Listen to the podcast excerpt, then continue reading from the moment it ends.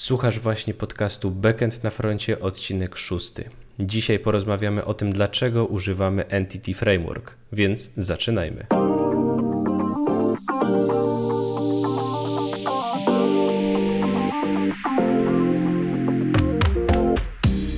Cześć, z tej strony Kajetan Duszyński i witam Cię w podcaście Backend na froncie. Po pierwsze, dziękuję, że tu jesteś. Podcast Backend na froncie to miejsce, w którym spotykam się z ciekawymi postaciami związanymi z dotnetem i programowaniem po to, aby dostarczyć Ci trochę zabawy i masę wiedzy, ale przede wszystkim, żeby dać Ci szersze spojrzenie na możliwości, jakie daje platforma od Microsoftu.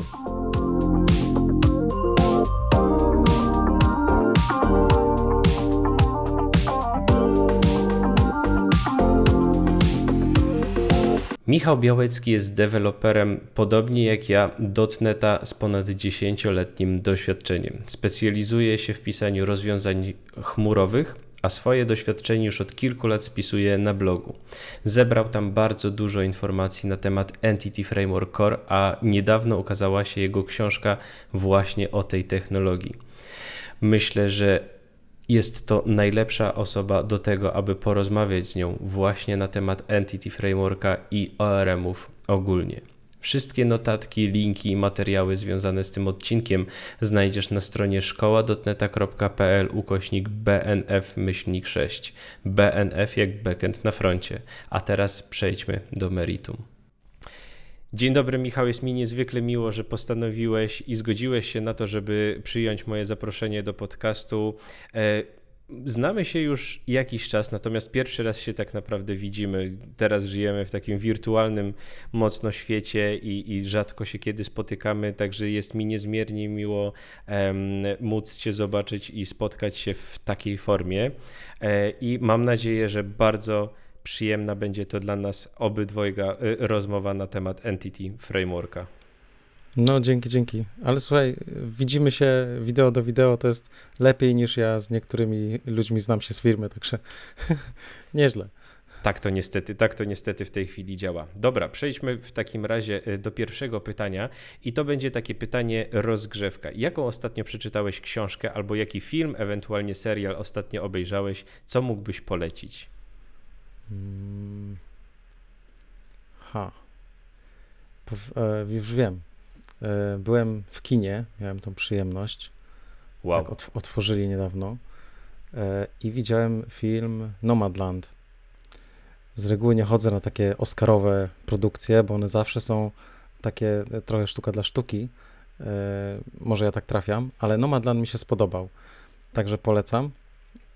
To taka historia o E, kobiecie, która jest już w podeszłym wieku, ciężko pracowała całe życie, ale e, na koniec życia jej emerytura nie starcza jej, żeby godnie żyć i podróżuje kamperem po Stanach szukając pracy i sensu życia. Także e, bardzo szeroka historia i polecam. O, ciekawy. Ja zwykle też nie za bardzo y, jestem fanem Oscarowych filmów, bo y, zawsze mam wrażenie, że one są za mądre dla mnie i, i, i, strasznie się na nich męczę, ale, ale to brzmi fajnie, bo też pamiętam kiedyś na Netflixie oglądałem taki do, dokument też był o minimalistach, którzy, którzy też y, zostali minimalistami ze względu na to, że też że, że, że, że są nomadami cyfrowymi, i, i, I, bardzo, bardzo ciekawe są te historie ludzi, którzy cały czas są gdzieś w drodze. Myślę, tak. że mógłbym, mógłbym, się, mógłbym się też e, e, zainteresować w takim razie tym filmem. Ale przejdźmy w takim razie do e, konkretnych naszych pytań, do tego, do czego w ogóle się tutaj spotkaliśmy.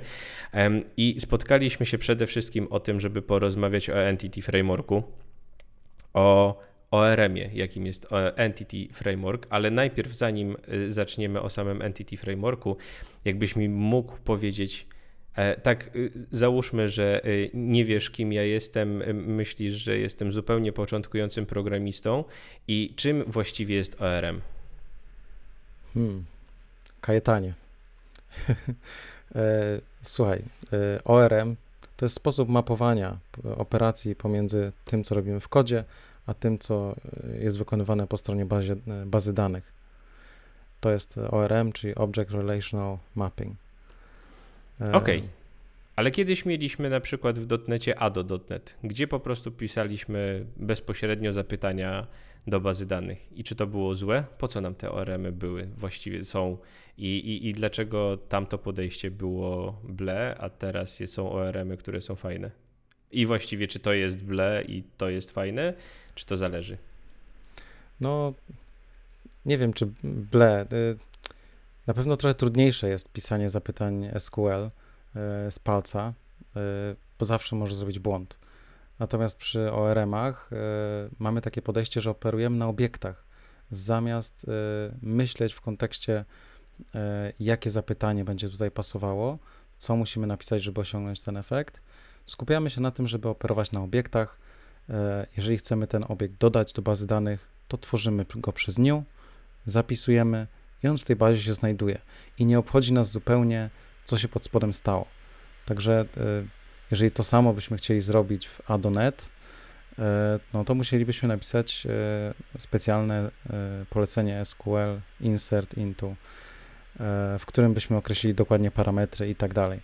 Także to jest na pewno gigantyczny krok do przodu do tego, aby łatwiej operować na na danych z bazy danych.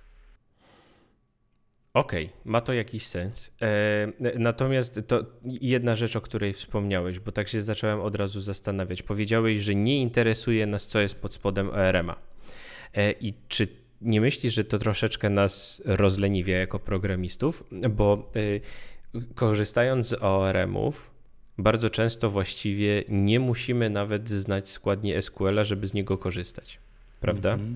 No tak. właśnie, ale jednak ten SQL gdzieś tam w pracy programisty zawsze jest potrzebny, zawsze się przydaje, bo zawsze gdzieś tam możemy zwalidować bezpośrednio na bazie, zawsze y, gdzieś jest jakaś potrzeba napisania jakiejś procedury składowanej, jakiejś funkcji, jednak sam ten SQL y, się przydaje, więc nie, nie boisz się, że używając ORM-ów rozleniwiamy się i właśnie ufamy czemuś, co nie do końca wiemy, jak działa?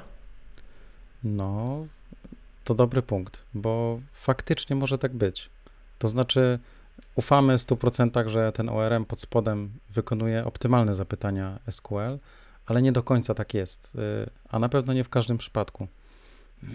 Więc to, że on nas rozleniwia, no to na pewno, ale myślę, że to powinien być jeden z etapów uczenia się, czyli uczymy się Entity Frameworka, ale nie, nie na zasadzie instaluję NuGet paczkę, e, robię, nie wiem, new, save, działa. Tylko może bardziej na zasadzie, ok, kiedy ja mam zrobić save? Może lepiej na końcu transakcji albo na końcu jakiegoś unit of work. E, jak to działa pod spodem, na pewno się przyda, żeby zrobić to optymalniej. Ale do samego początku nie trzeba się jakby wgryzać w, e, w same te internalsy e, i dokładnie jak to działa. E, natomiast myślę, że z biegiem e, naszego doświadczenia to się po prostu przydaje i będzie nam użyteczne, żeby złapać takie już dobre praktyki. Jasne, jasne. No właśnie, bo to też jest problematyczne z tego, co ja zawsze pamiętałem z Entity Frameworka, że jak już się umie trochę tego SQL-a, trochę się w tym ORM-ie popracowało i czasami chciałoby się podejrzeć, co tam się dzieje za magia i, i, i patrzysz na te wygenerowane e, zapytania i one mają tam po prostu pierdyliard zrobionych jakichś parametrów i w ogóle jest to totalnie nie do odczytania dla mnie. Czy ty jako y, dla mnie specjalista od, y, od, od Entity Frameworka, czy zaglądasz tam często, czy potrafisz to już rozszyfrować, czy to już jest mniejszy matrix dla ciebie niż, niż dla mnie cały czas? Ja się przyznam, że jak nie muszę, to nie zaglądam, nie? Ale y, to jest też część pracy, żeby to rozumieć. E, miałem takie zadania, że musiałem poprawić performance, no i mm, jest do tego narzędzie, to znaczy e, w momencie, w tym zadaniu używaliśmy SQL Server e, bazy danych, więc jest narzędzie SQL Server Profiler, który można podpiąć do aktualnej bazy danych, do całego serwera i monitorować, jakie operacje są tam wykonywane. Więc generalnie operujesz na swoim programie, o kod, I, I co chwilę wyskakuje ci jak kod e, takie zapytanie SQL, które akurat program wykonał, więc dokładnie widzisz, co się tam dzieje. I dobrze zauważyłeś, że to trochę krzaczki. I no tak jest. E, te zapytania są takie dość mocno opisowe, pewnie trochę bardziej opisowe niż my byśmy je napisali, e, ale da się do tego przyzwyczaić. To znaczy, ja po jakimś czasie złapałem tą taką wprawę, żeby kopiować to zapytanie, przenieść do bazy, zobaczyć na przykład plan wykonania, czy ono jest optymalne, czy da się to coś tam przyspieszyć, a może użyć indeksu. E, także mm, na pewno e, fajnie jest rozumieć, co się tam dzieje pod spodem e, i łatwo można to zobaczyć. Także okay. to, to, to, nie jest tak, że ono to odcina, ukrywa się i już nie ma, nie? No właśnie, bo to tak z jednej strony trochę traktujemy jako black box, ale yy, i, i faktycznie kiedy nie trzeba, to nie zaglądamy, ale, ale jak trzeba, no to szczególnie potem w tym profilerze. Mam wrażenie, nie, nie, wiem dlaczego, ale mam wrażenie, że w profilerze to jakoś tak sensowniej potem, przynajmniej lepiej się formatuje, jak się przykleja po prostu do Management Studio. Ale dobra, zostawmy to. Jeszcze ci dopowiem, w tym e, zadaniu, kiedy trzeba było, e, musiałem analizować e, performance, okazało się, że udało mi się przyspieszyć metodę logowania, zwykłą metodę logowania do hotelu, to jest system hotelowy, ale że wykonujemy tych metod logowań około trochę ponad milion miesięcznie, to skracając tam, wiesz, kilkanaście milisekund na zapytaniu, udało się oszczędzić, nie wiem, kilkanaście dni czasu czekania użytkownika. Także, wow. kurczę, warto zaglądać co jakiś czas. No pewnie, no w takiej sytuacji to zdecydowanie. To, to już faktycznie są wymierne Ale korzyści. uprzedzę, to nie był Entity Framework.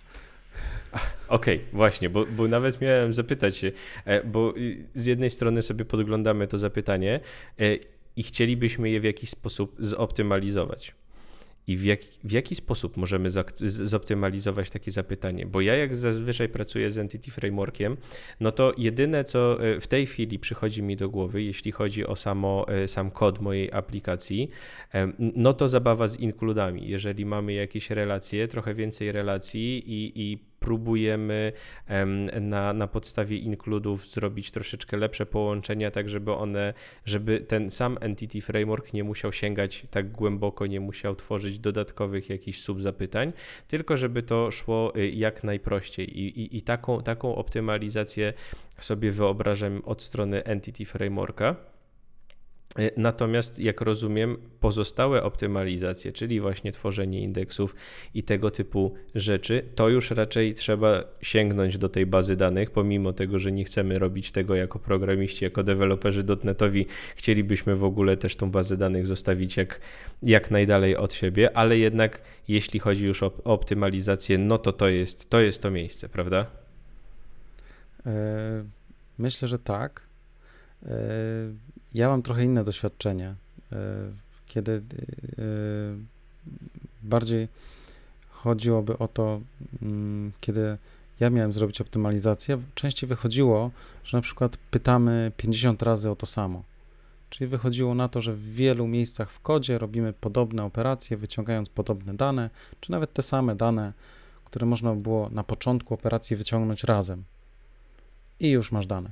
I i jakby na tym się łapaliśmy gdzieś tam przy większym systemie, e, gdzie każda klasa swoje rzeczy dociąga. Lepiej było te dane zgromadzić wcześniej i to przyspieszało po prostu. E, na pewno wiedza bazodanowa się przyda. Tutaj, wiesz, nie ma zmiłu. Jak lepiej rozumiesz SQL-a, lepiej zrozumiesz te zapytania i plan wykonania, no to ci to pomoże.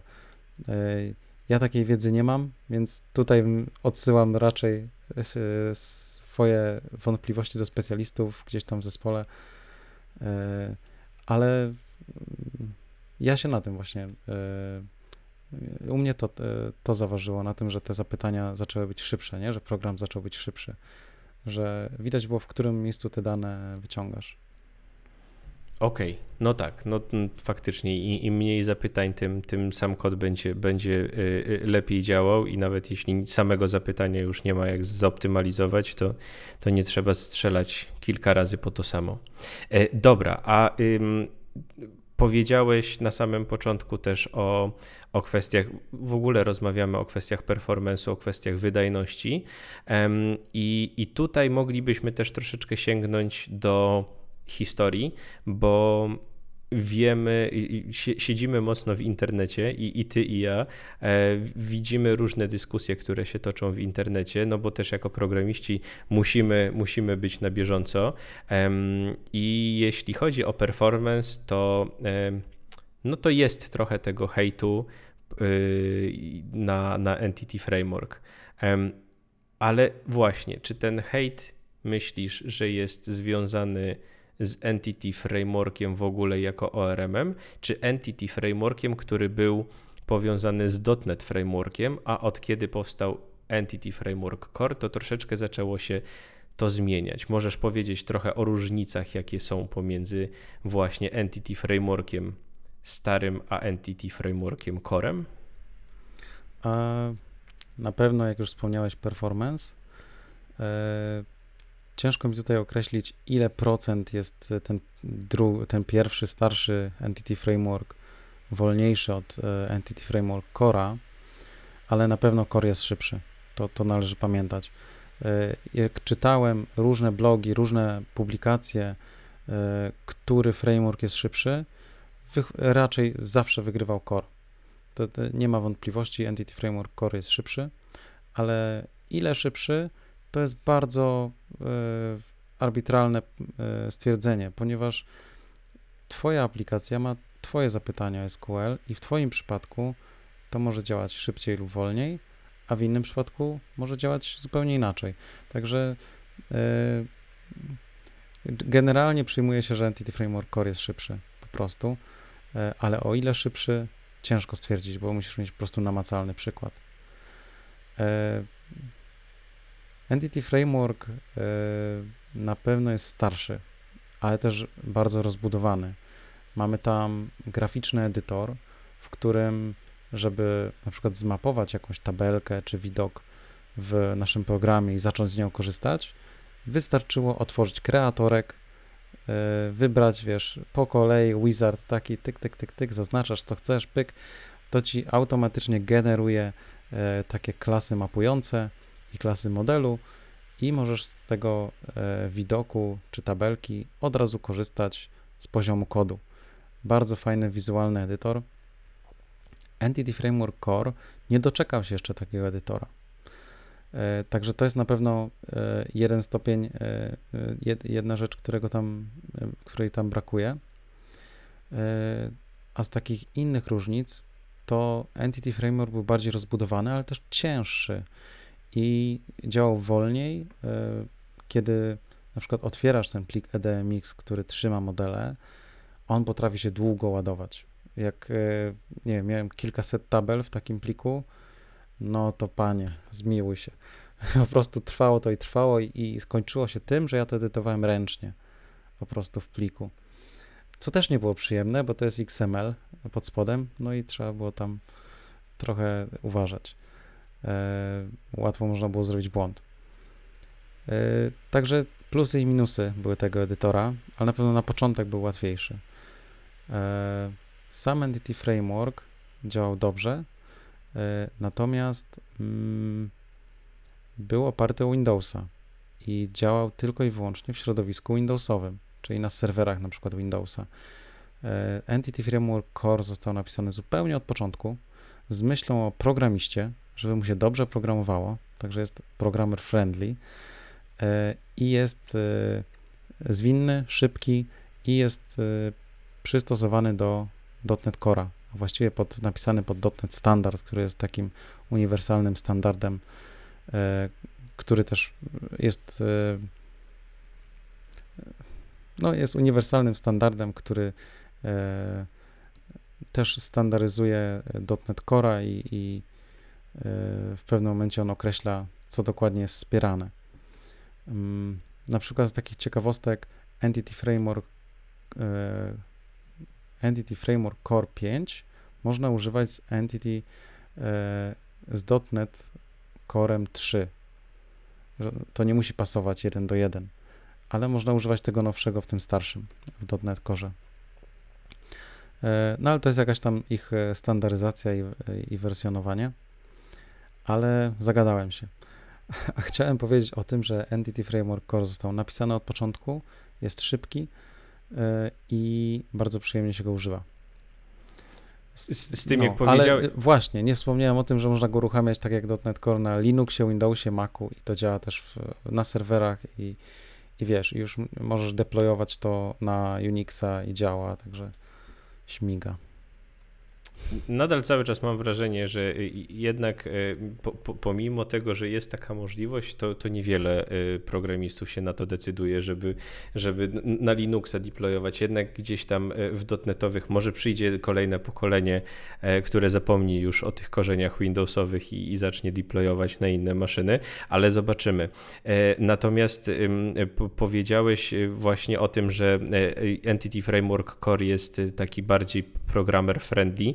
I, i to może być moim zdaniem e, informacja między innymi taka, że tego designera możemy się już nie doczekać, że ten Entity Framework podstawowy z .NET Frameworkiem był takim narzędziem, e, który był tworzony y, również na przykład w czasach, kiedy cały czas był mocno rozwijany VB.NET i gdzie y, jakby ta składnia też była e, teoretycznie bardziej przyjazna człowiekowi, że tak powiem, mm -hmm. taka mm -hmm. bardziej zrozumiała w odczycie przez człowieka, który nie programuje. E, tak samo mieliśmy te um, wizualne edytory dla WinFormsów, dla WebFormsów i, i dla wielu innych rzeczy, których w dzisiejszych czasach już tak do, do, do końca nie uświadczymy, albo mało kto w ogóle z nich korzysta.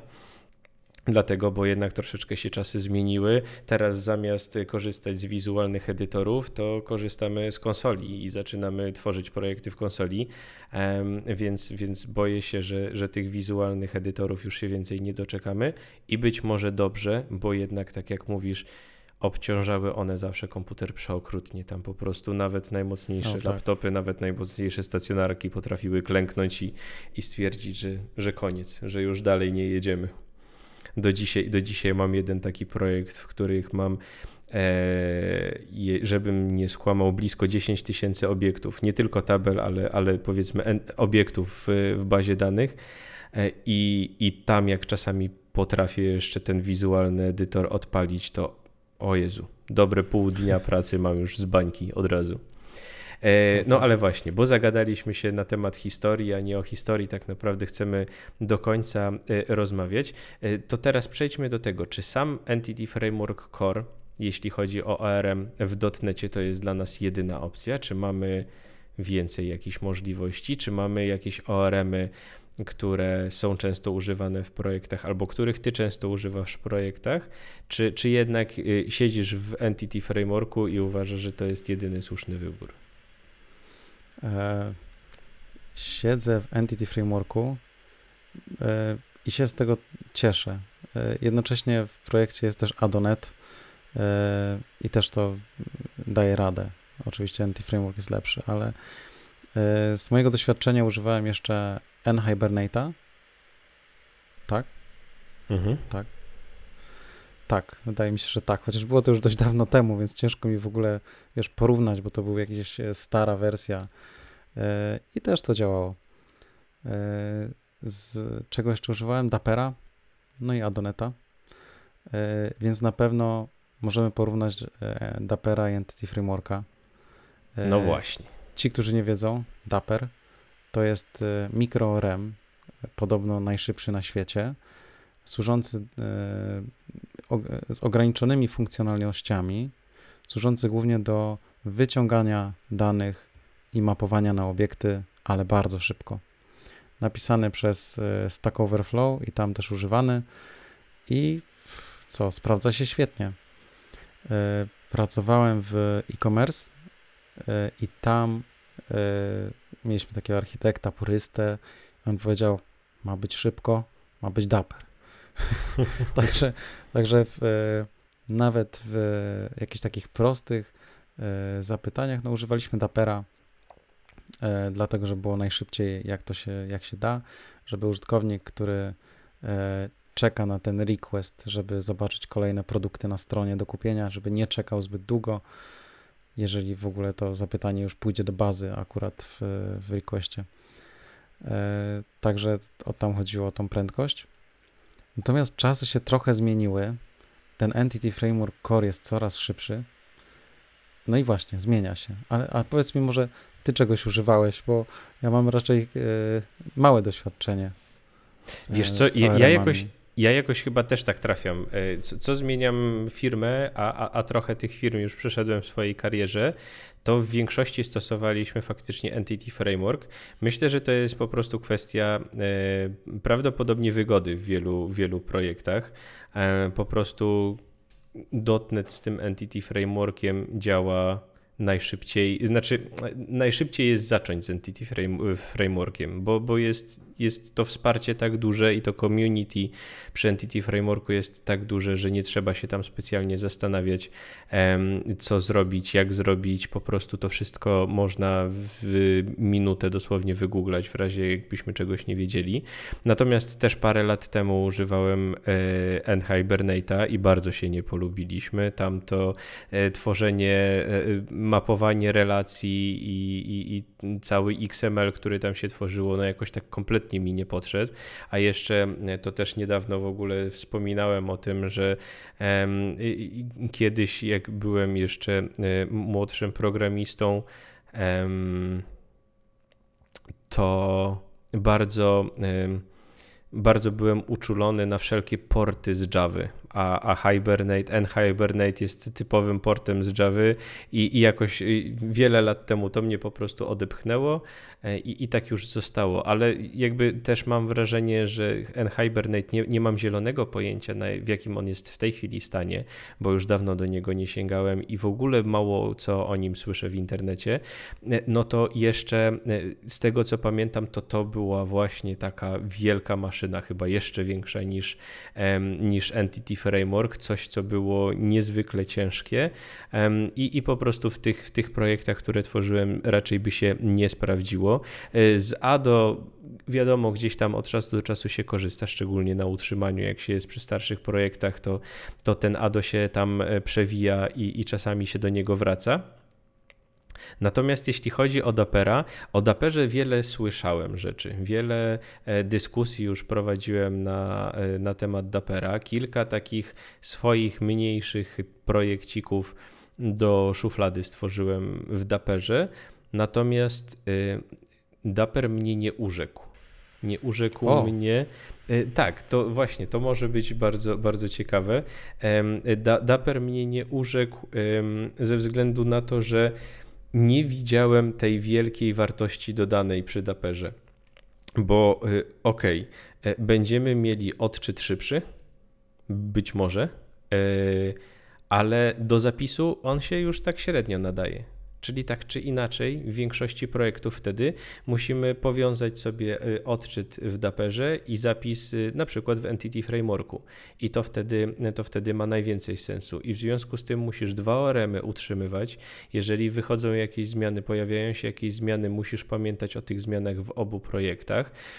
I, i dlatego nie byłem nigdy wielkim fanem y, Dapera. I, I jeszcze jakiś czas temu przyjmowałem na klatę to, że ok, używam Entity Frameworka, e, też ze względu na to, że aplikacje, które w tamtym momencie tworzyłem, nie musiały e, mieć aż tak niesamowitego performance'u przy odczytaniu. Bo na przykład tworzyłem jakieś aplikacje wewnątrz firmy, gdzie y, użytkownik w korporacji, jak mu się system dłużej wczytuje, to na pewno nie zapłacze bo pójdzie sobie zrobić kawę, jeszcze chwilę poplotkuje i, i, i, spokojnie tam się nic, nic złego nie stanie, jeśli będzie musiał poczekać. Um, oczywiście tak czy inaczej staram się zawsze te, te, ten kod optymalnie pisać, to żeby też nie było, że, że specjalnie gdzieś tam się nie przykładam do tego, ale jakby nie ma to też um, takiego znaczenia jak e, w jakichś portalach, które są wystawione na zewnątrz i, i kiedyś faktycznie przyjmowałem na klatę to, ok, korzystam z Entity Frameworka ze względu na to, że jest wygodny, e, ale wiem, że performance tego ORM-a nie jest tak genialny jak, jak w przypadku Dapera. Ale ostatnio z roku na rok mam wrażenie, że ta granica coraz bardziej się zaciera, że faktycznie team Microsoftowy tak mocno skupia się na tym Entity Frameworku, że, że, że, te, y, że te zapytania są coraz szybsze. A jak patrzymy na przykład w październiku zeszłego roku, jak wychodził .NET 5, to oni się już chwalili, że podnieśli performance y, zapytań o, jeśli dobrze pamiętam, 33%. Teraz y, już się mówi o Entity Framework Core 6, który też ma być y, chyba w październiku razem z premierą .NETA 6 i też już się chwalą, że będzie ten performance lepszy, tak? Zgadza się? Bo chyba. Dokładnie. No właśnie, no właśnie. Więc jeżeli tak mocno idzie ten performance do przodu, a Dapper nie idzie już dużo mocniej do przodu, y, no bo tam już jest tak prosto, jak się tylko da. Tam już, tam już nie, nie, nie, wiele nie wymyślisz tak naprawdę. No dokładnie. Dokładnie. Y, chyba czytaliśmy podobny artykuł. E, najnowsze wieści właśnie do, co do tego, jak będzie wyglądał Entity Framework Core 6, to właśnie e, ta szóstka będzie odpowiadała za performance, czyli oni stwierdzili, że e, zrobiliśmy już niemalże te same feature'y, które miał Entity Framework. E, z, robi praktycznie to samo, to teraz skupmy się na performance. Jest szybki, ale zróbmy go jeszcze szybciej. I ja tutaj właśnie czytałem ten, tą opowieść deweloperów E, jaki ten Entity Framework Core 6 będzie i wspominają, że gonią Dapera. Właśnie to jest dla mnie ciekawe, że mają wielki szacunek dla Dapera e, jako mikro-RM. Sprawdza się w niektórych przypadkach naprawdę świetnie i chwalą się, że jest skok pomiędzy piątką a szóstką EF Core, e, gdzie ten, ten oni tu mówią o e, tej gap, performance gap, że ona zmieniła się z 55% do 5%, czyli ten Entity Framework 6 goni Dapera naprawdę mocno. E, podejrzewam, że nie przegoni, no bo tam pewnie nie da się dużo więcej wycisnąć. Ale kurczę, to, to jest bardzo, zaczyna być bardzo fajna alternatywa. Zobacz, teraz możesz mieć e, jedną technologię do czytania, jedną do pisania. E, także bardzo fajnie ta przyszłość Entity Frameworka wygląda. E, co roku jest nowy release, co dwa lata on jest utrzymywany przez bodajże kolejne dwa lata, czyli bugi są naprawiane. Jest w ciągłym utrzymaniu, a jednocześnie Entity Framework, ten starszy, nie będzie już rozwijany będą bodajże naprawiane bugi, albo już przestały być naprawiane. Także to jest, e, wiesz, taki e, jednoznaczny znak używaj Entity Framework Core. Ale zdziwiło mnie to, co mówisz o Daperze, bo ja miałem inne doświadczenia. Ja e, długo używałem po prostu Adonetu, żeby pisać SQL -e i nagle ktoś rzucił, ej, zróbmy Dapera. I takie, ło, nie trzeba pisać tak dużo, nie? E, nie trzeba e, mapować e, samemu tych obiektów, tylko ten Dapper mapuje to za ciebie i to było mega wygodne.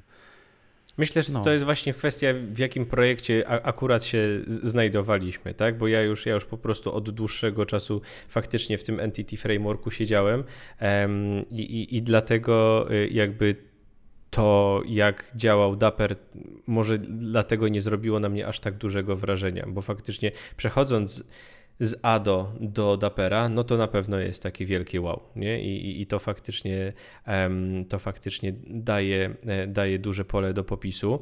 E, natomiast, ale to właśnie, to wszystko, to wszystko zależy od tego, w jakich, w jakich projektach się e, znajdujemy i jak to pogodę mamy bardzo ciekawą. Właśnie piorun taki strzelił, że nie wiem, czy nawet na nagraniu nie będzie tego słychać. Zobaczymy. Ja nie słyszałem. Okej. Okay. E, no właśnie, to wszystko zależy od tego, w jakim projekcie się znajdujemy i czego akurat będziemy wymagać od danego projektu. Ale y, wróćmy jeszcze do samego Entity Frameworka, bo y, ja czekam zdecydowanie na ten, na ten poprawiony performance, bo też Jestem w ogóle bardzo wielkim fanem tego, co się wydarzyło z Entity Framework Core 5 e, i jak na przykład zostało zrobione podejście do relacji. I kwestia e, samych relacji też jest niezwykle ciekawa w, w ogóle w Entity Frameworku i chciałbym, żebyś powiedział nam trochę więcej, jakie relacje są obsługiwane w Entity Frameworku i w jaki sposób. Tak, to jest w ogóle e, genialne, jak prosto można było zrobić relacje.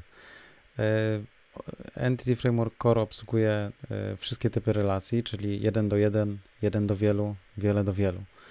I teraz w momencie, kiedy te tabele masz już jako część modelu, możesz zrobić po prostu jedno z propertiesów w danym nie wiem, modelu, na przykład powiedzmy, że to jest produkt, czy o, zamówienie i pozycja zamówienia.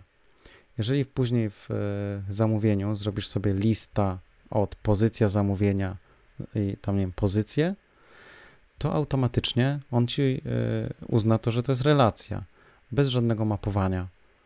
Najlepiej jeszcze, jakby ta relacja była bazodanowa, czy gdzieś tam był klucz obcy powiązany z tym, z ID, ale nie trzeba nic konfigurować, nie, da, nie trzeba dawać żadnych atrybutów. Jeżeli tylko dobrze nazwiesz propertiesy, czyli tak jak one są określone w bazie, e, w swoim modelu, to nie trzeba nic konfigurować. To jest w ogóle piękne.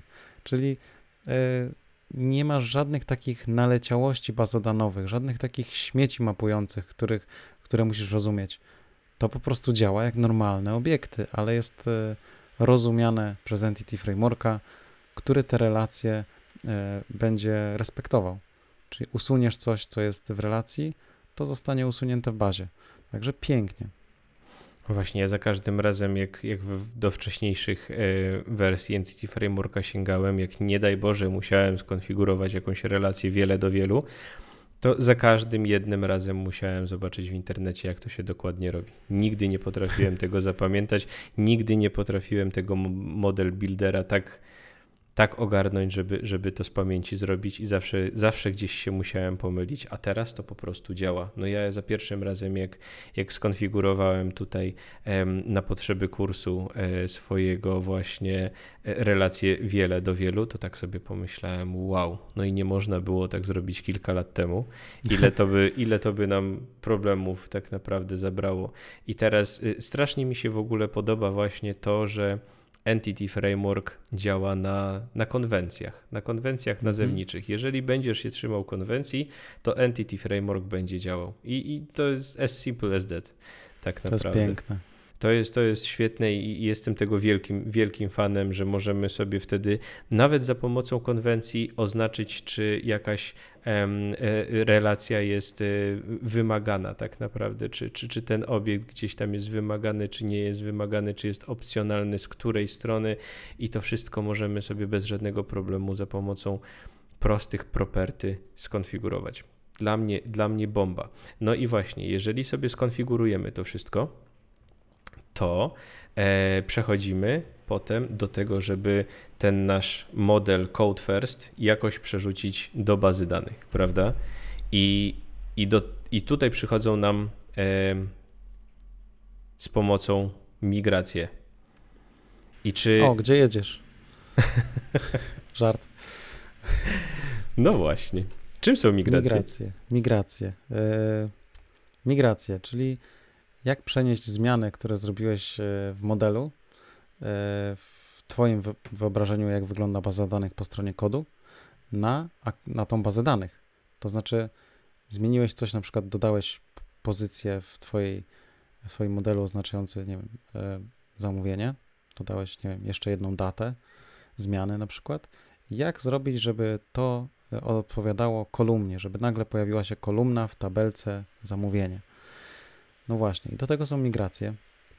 Myślę, że w momencie, kiedy zaczęto używać bazy danych, to trzeba, z kodem, to trzeba było te migracje zrobić.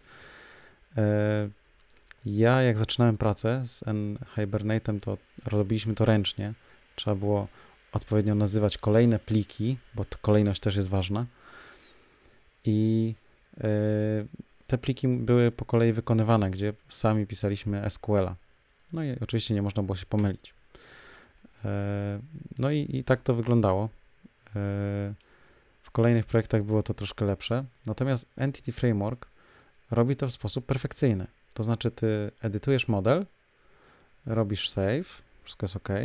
Później przechodzisz do konsoli i zaczynasz używać e, Global Tool o nazwie bodajże EF Migrations. Wykonujesz prostą komendę, musisz to napisać, no ale wykonujesz prostą komendę jednolinijkową migrations add, dodajesz migrację i dzieje się magia. W środku migracji pojawia się SQL, sam się wygeneruje, czy Entity Framework go wygeneruje, odpowiadający właśnie tym zmianom, które musisz prowadzić w bazie danych. Czyli nie musisz tego pisać sam. E, dzięki temu, że Entity Framework e, zapisuje sobie taki snapshot Twojej bazy danych, czyli on wie, co w tej bazie danych jest, on porównuje to z modelem, który właśnie zmieniłeś, potrafi wygenerować migrację. I ta migracja ma dwa, dwie metody: up and down. Up e, po to, żeby tą migrację wykonać, i down, żeby ją odwrócić, skasować z baz danych, jeżeli jest taka potrzeba i przywrócić ten stan bazy danych do e, tego poprzedniego. E, także to w temacie migracji. E, no i nie musisz ich numerować po kolei, ponieważ one auto się numerują za pomocą jakiegoś timestampu, także wykonuje się je po kolei. Nie A wiem, czy e, zdarza, zdarza ci się yy, kiedykolwiek zmienić kod tej automatycznej migracji? Czy zdarza ci się coś samemu dopisywać? No możesz to zrobić. Czy, yy, raczej mi się to nie przydawało, aczkolwiek yy, z tym trzeba troszkę uważać, bo w momencie jak zaczynasz modyfikować migrację, musisz być pewien, że nigdzie nie została wykonana. W ogóle po co są te migracje? Przecież możesz sobie zrobić ten SQL, napisać go u siebie tam w SQL Management Studio, zrobić execute, no i jest, tak? Na bazie danych. No właśnie, a to nie, to, to nie wystarczy, bo yy, każdy deweloper może mieć swoją bazę danych, czyli teoretycznie musisz teraz na Teamsach każdemu wysłać tą migrację. No i to też nie wystarczy, bo jeszcze musisz połączyć się z, ze środowiskiem, e, na którym jest Twoja aplikacja zdeployowana i tam też to wykonać. Więc najlepiej było wymyślić automatyczny sposób wykonywania tych migracji. No i to oczywiście możesz też wykonać z poziomu kodu e, procedur, bodajże jakaś komenda database.update i update'uje tą bazę danych do aktualnie najnowszej migracji dostępnej u Ciebie w kodzie. I możesz taką operację wykonać na przykład na starcie Twojej aplikacji.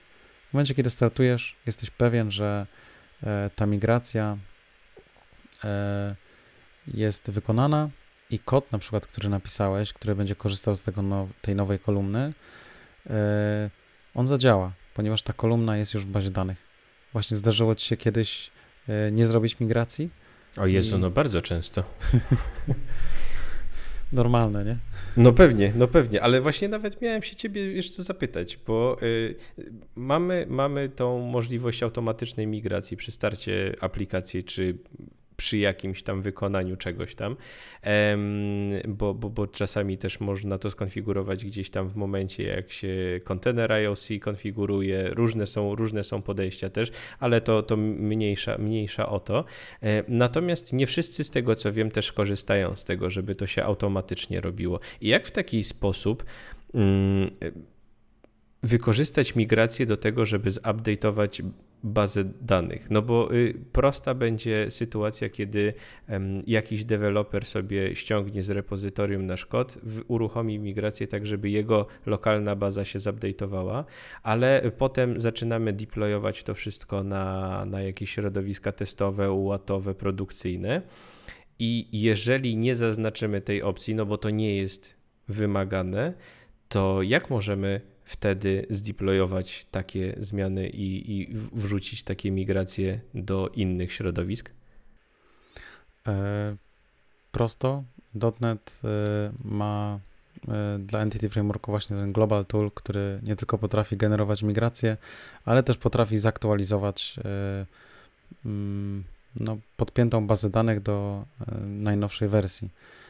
Czyli na przykład z jednym z z, z kroków deploymentu może być wykonanie migracji na bazie danych, na przykład przed, jakiś może być jeden z ostatnich kroków.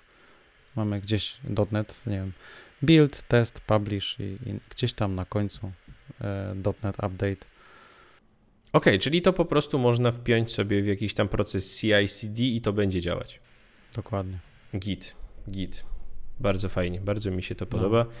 No. tak chciałem dodać, ci, którzy tego nie robią, to jeszcze będą robili. to, tak jak, to tak jak z testami. Tak, tak. Ci, którzy no, jeszcze teraz nie chyba... piszą testów, to kiedyś na pewno zaczną. I ci, którzy nie robią migracji automatycznych na którymś momencie, w którymś momencie, czy to właśnie w procesie CI/CD, czy przy odpaleniu aplikacji, na pewno z tego zaczną korzystać. No właśnie, bo, bo mi się też zdarzyło na produkcji, że no, yy, po prostu baza była stara, niepodniesiona, no i kod nie zadziałał, nie? Także zdarza się.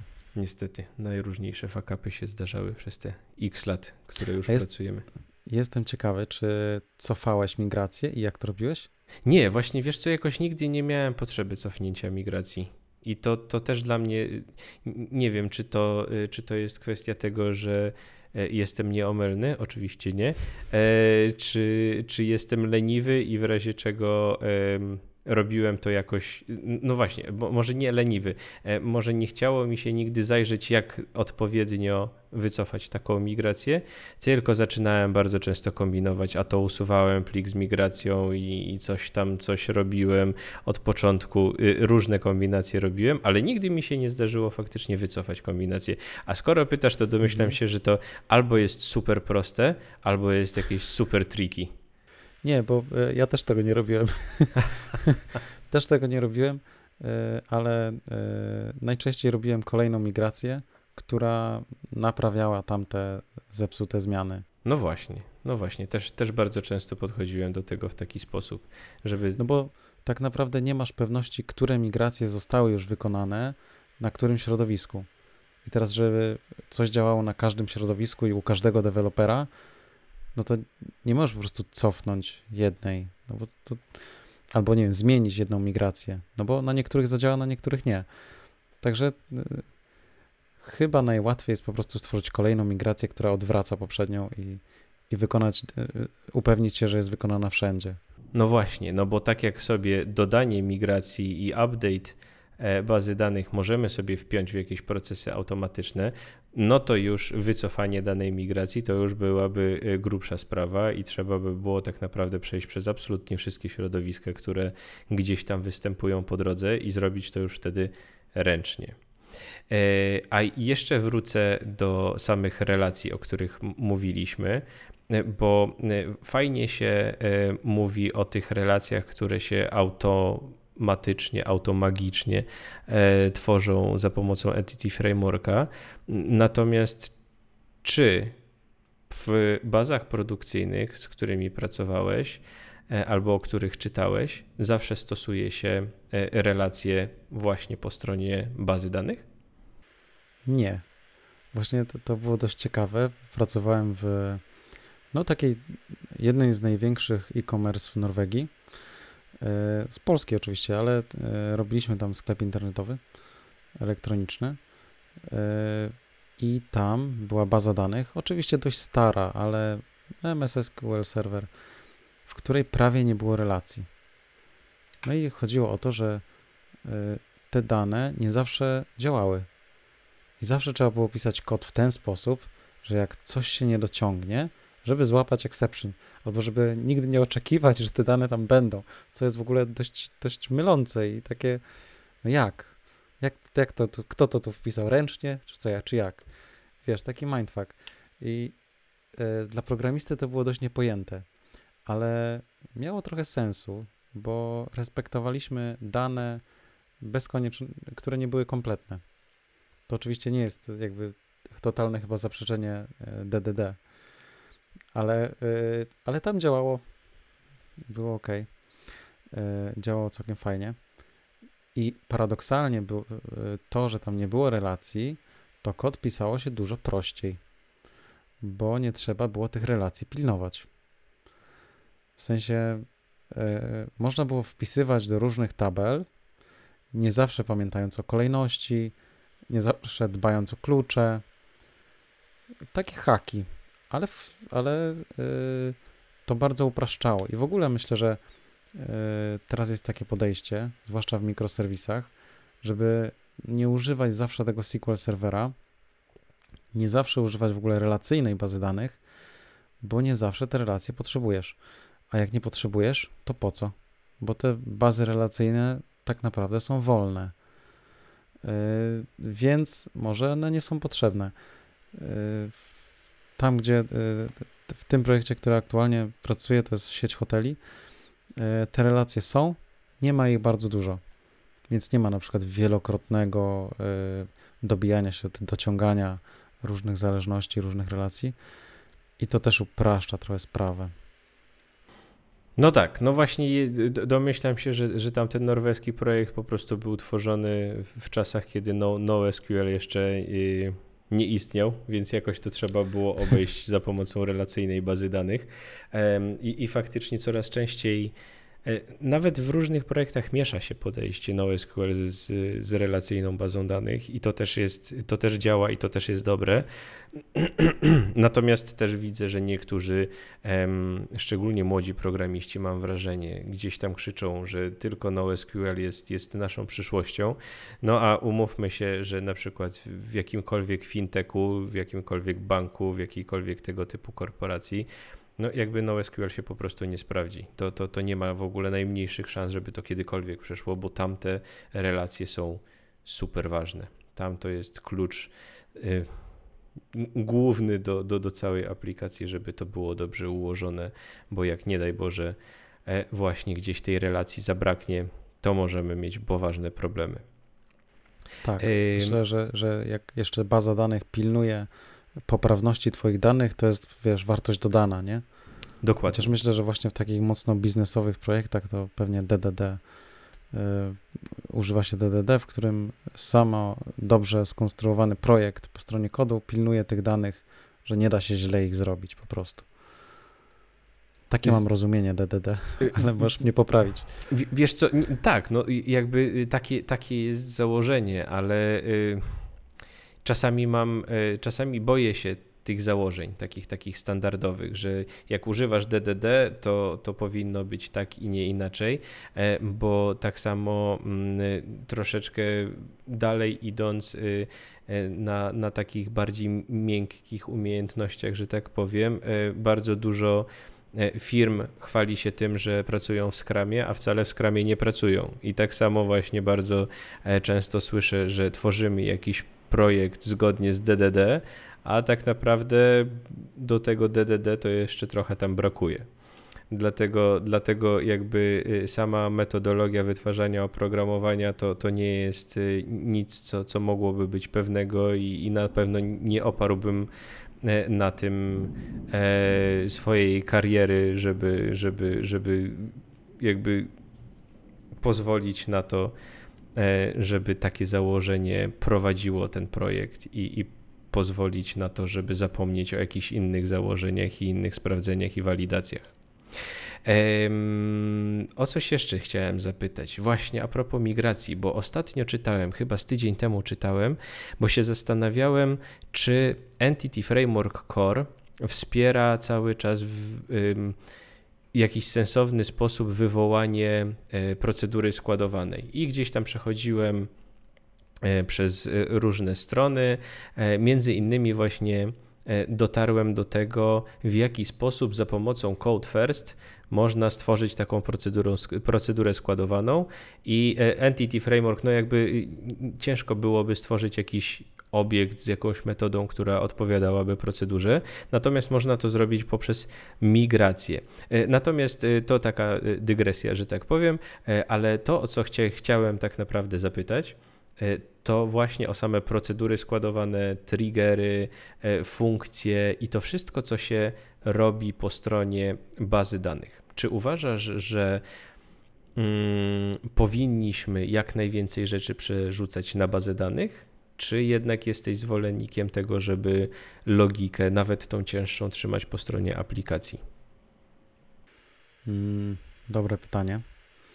E, nawiążę jeszcze szybko do tego, co powiedziałeś o procedurach składowanych w Entity Framework Core.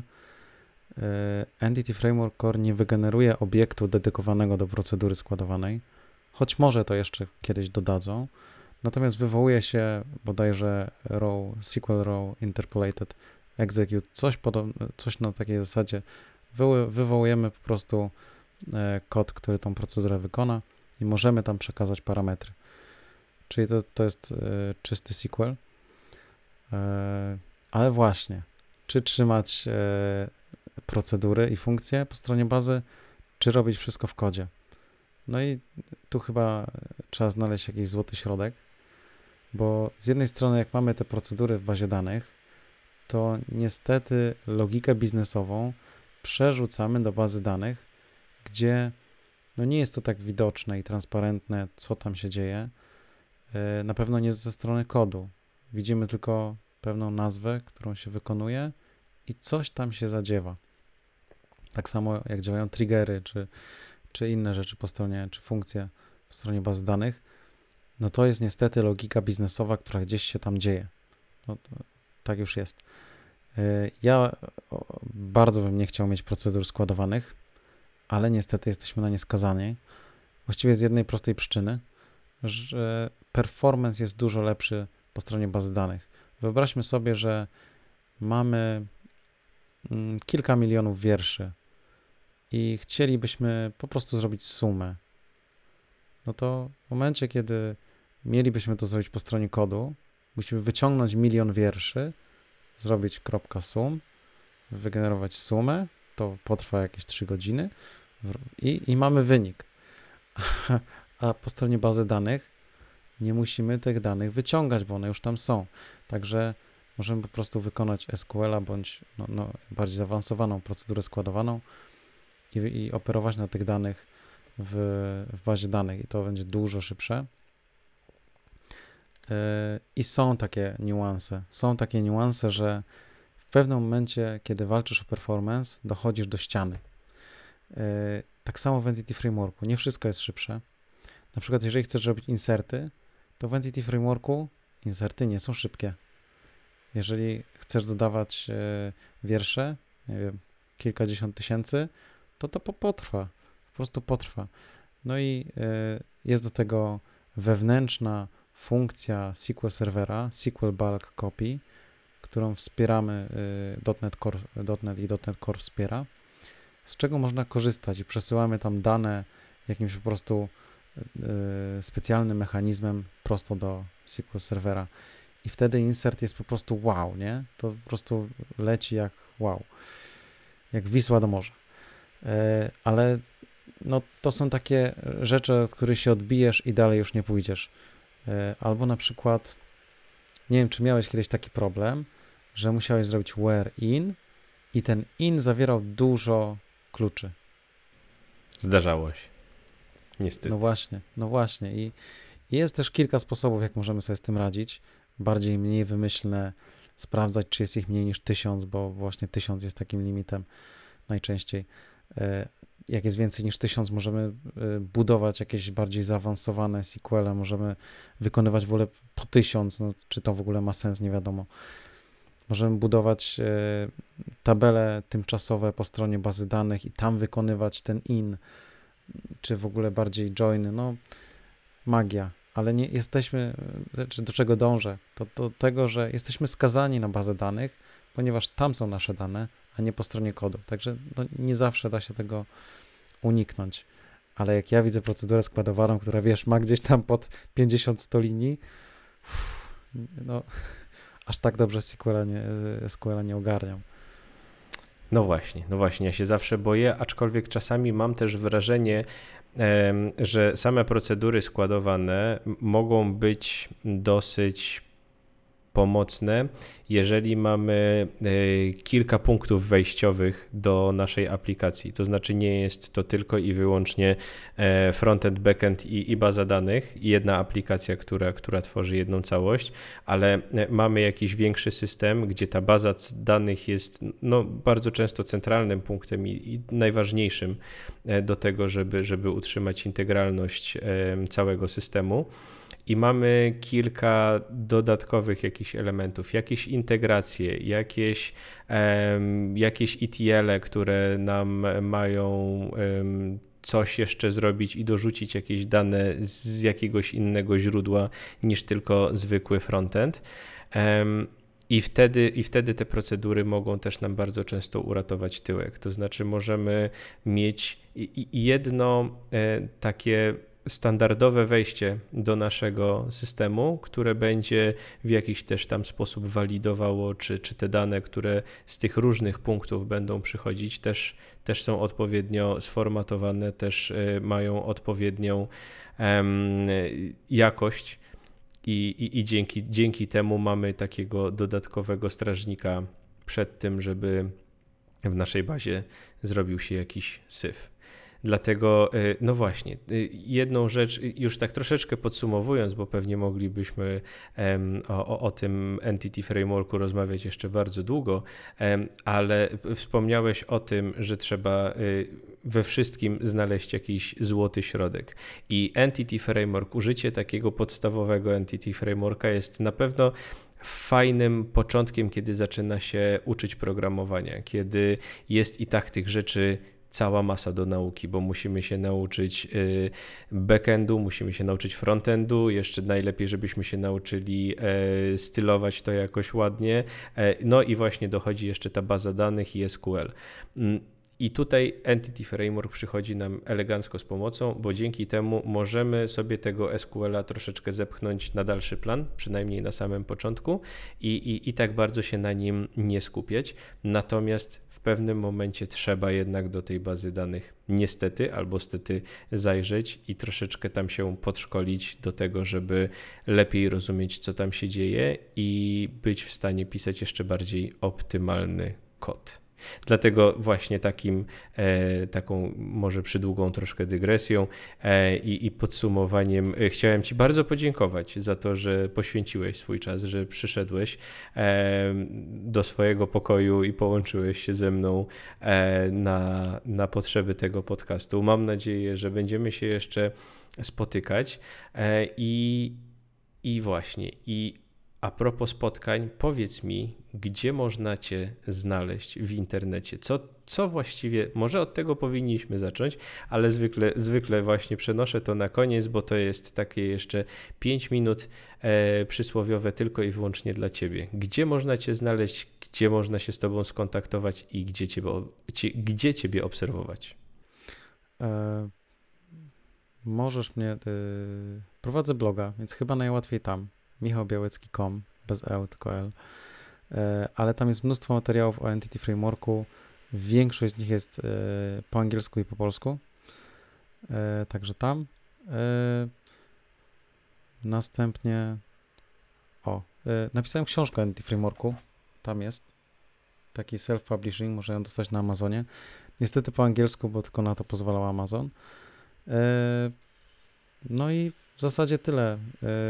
Nieraz coś, coś piszę na szkole .NETA Staram się pomóc przy Frameworku, bo gdzieś tam kojarzę temat. Także jak najbardziej zapraszam. Tak, właśnie Michał bardzo często na szczęście i bardzo Ci za to dziękuję. E, udziela się na, na naszych grupach Naucz się dotneta przede wszystkim e, i tak. to jest właśnie, to jest, to jest najlepsze, najlepsze miejsce i za każdym razem jak się coś z Entity Frameworka pojawia, to staram się odwoływać właśnie do Ciebie, żebyś przyszedł mi z pomocą, ale, ale właśnie, bo y, z tego co pamiętam, to, to też e, od razu powiemy, bo Właśnie ciebie, ciebie jako takiego poznałem właśnie z twojego bloga, bo na samym początku też, kiedy e, maile różne wysyłałem do swojej listy mailowej, e, to y, wracałem do twojego bloga i ten blog dosyć fajnie jest pozycjonowany, jeśli chodzi o Entity Frameworka już w tej chwili, także dosyć łatwo na ciebie, na ciebie trafić. Natomiast pamiętam, że kiedy tworzyłeś tak dużo treści dotyczących Entity Frameworka, to też zrobiłeś bardzo fajny projekt. A właśnie, zapomniałem powiedzieć o GitHubie. No e, właśnie. To jest e, w zasadzie e, Prime Hotel, nazywa się ten projekt. Najlepiej jak, jak dasz gdzieś tam w opisie linka do tego GitHuba, totalnie za darmo oczywiście, bo to GitHub, możesz na sobie ten projekt pobrać i właściwie każdy artykuł, który napisałem na temat Entity Framework Core opiera się na tym projekcie. Także wszystkie przykłady, które tam, wiesz, takie wycinki kodu, które gdzieś tam znajdziesz na moim blogu, to one tam są. Także łatwo je znaleźć, można łatwo ściągnąć projekt go odpalić i zobaczyć, jak to tak naprawdę działa, debugując samodzielnie. Także yy, jasne, jeżeli jesteś ciekawy, jak wygląda użycie Entity Frameworka w praktyce, zajrzyj sobie na GitHuba, no tam wszystko znajdziesz. Świetnie. To jeszcze raz powtórzymy michałbiałecki.com i e, link do GitHuba oczywiście znajdzie się pod dzisiejszym odcinkiem. Michał, jeszcze raz Ci bardzo dziękuję i do zobaczenia. Mam nadzieję w niedalekiej przyszłości. Dzięki. E, dzięki za zaproszenie i, i pozdrawiam. Trzymaj się. Mam nadzieję, że dzisiejszy odcinek przypadł Ci do gustu. Będę super wdzięczny, jeśli podzielisz się swoimi przemyśleniami na YouTube, jeśli właśnie mnie oglądasz, albo w mailu wysłanym na adres kajetanmałpaszkoła.dotneta.pl. Pamiętaj, że podcast Backend na froncie jest wypuszczany co drugi wtorek o godzinie 11, więc spokojnie możesz zapisać sobie to jako wydarzenie w kalendarzu. Ale zdecydowanie prościej będzie, jeśli zasubskrybujesz go w iTunes, Spotify, YouTube czy gdziekolwiek właśnie mnie słuchasz. Dodatkowo będę super jeśli zechcesz wystawić mi ocenę w katalogu iTunes. Zachęcam również do śledzenia innych moich poczynań w sieci poprzez obserwowanie fanpage'a szkoła.neta na Facebooku, a także profilu Kajetan Duszyński na Instagramie. A teraz już się z Tobą żegnam i słyszymy się za dwa tygodnie. Cześć!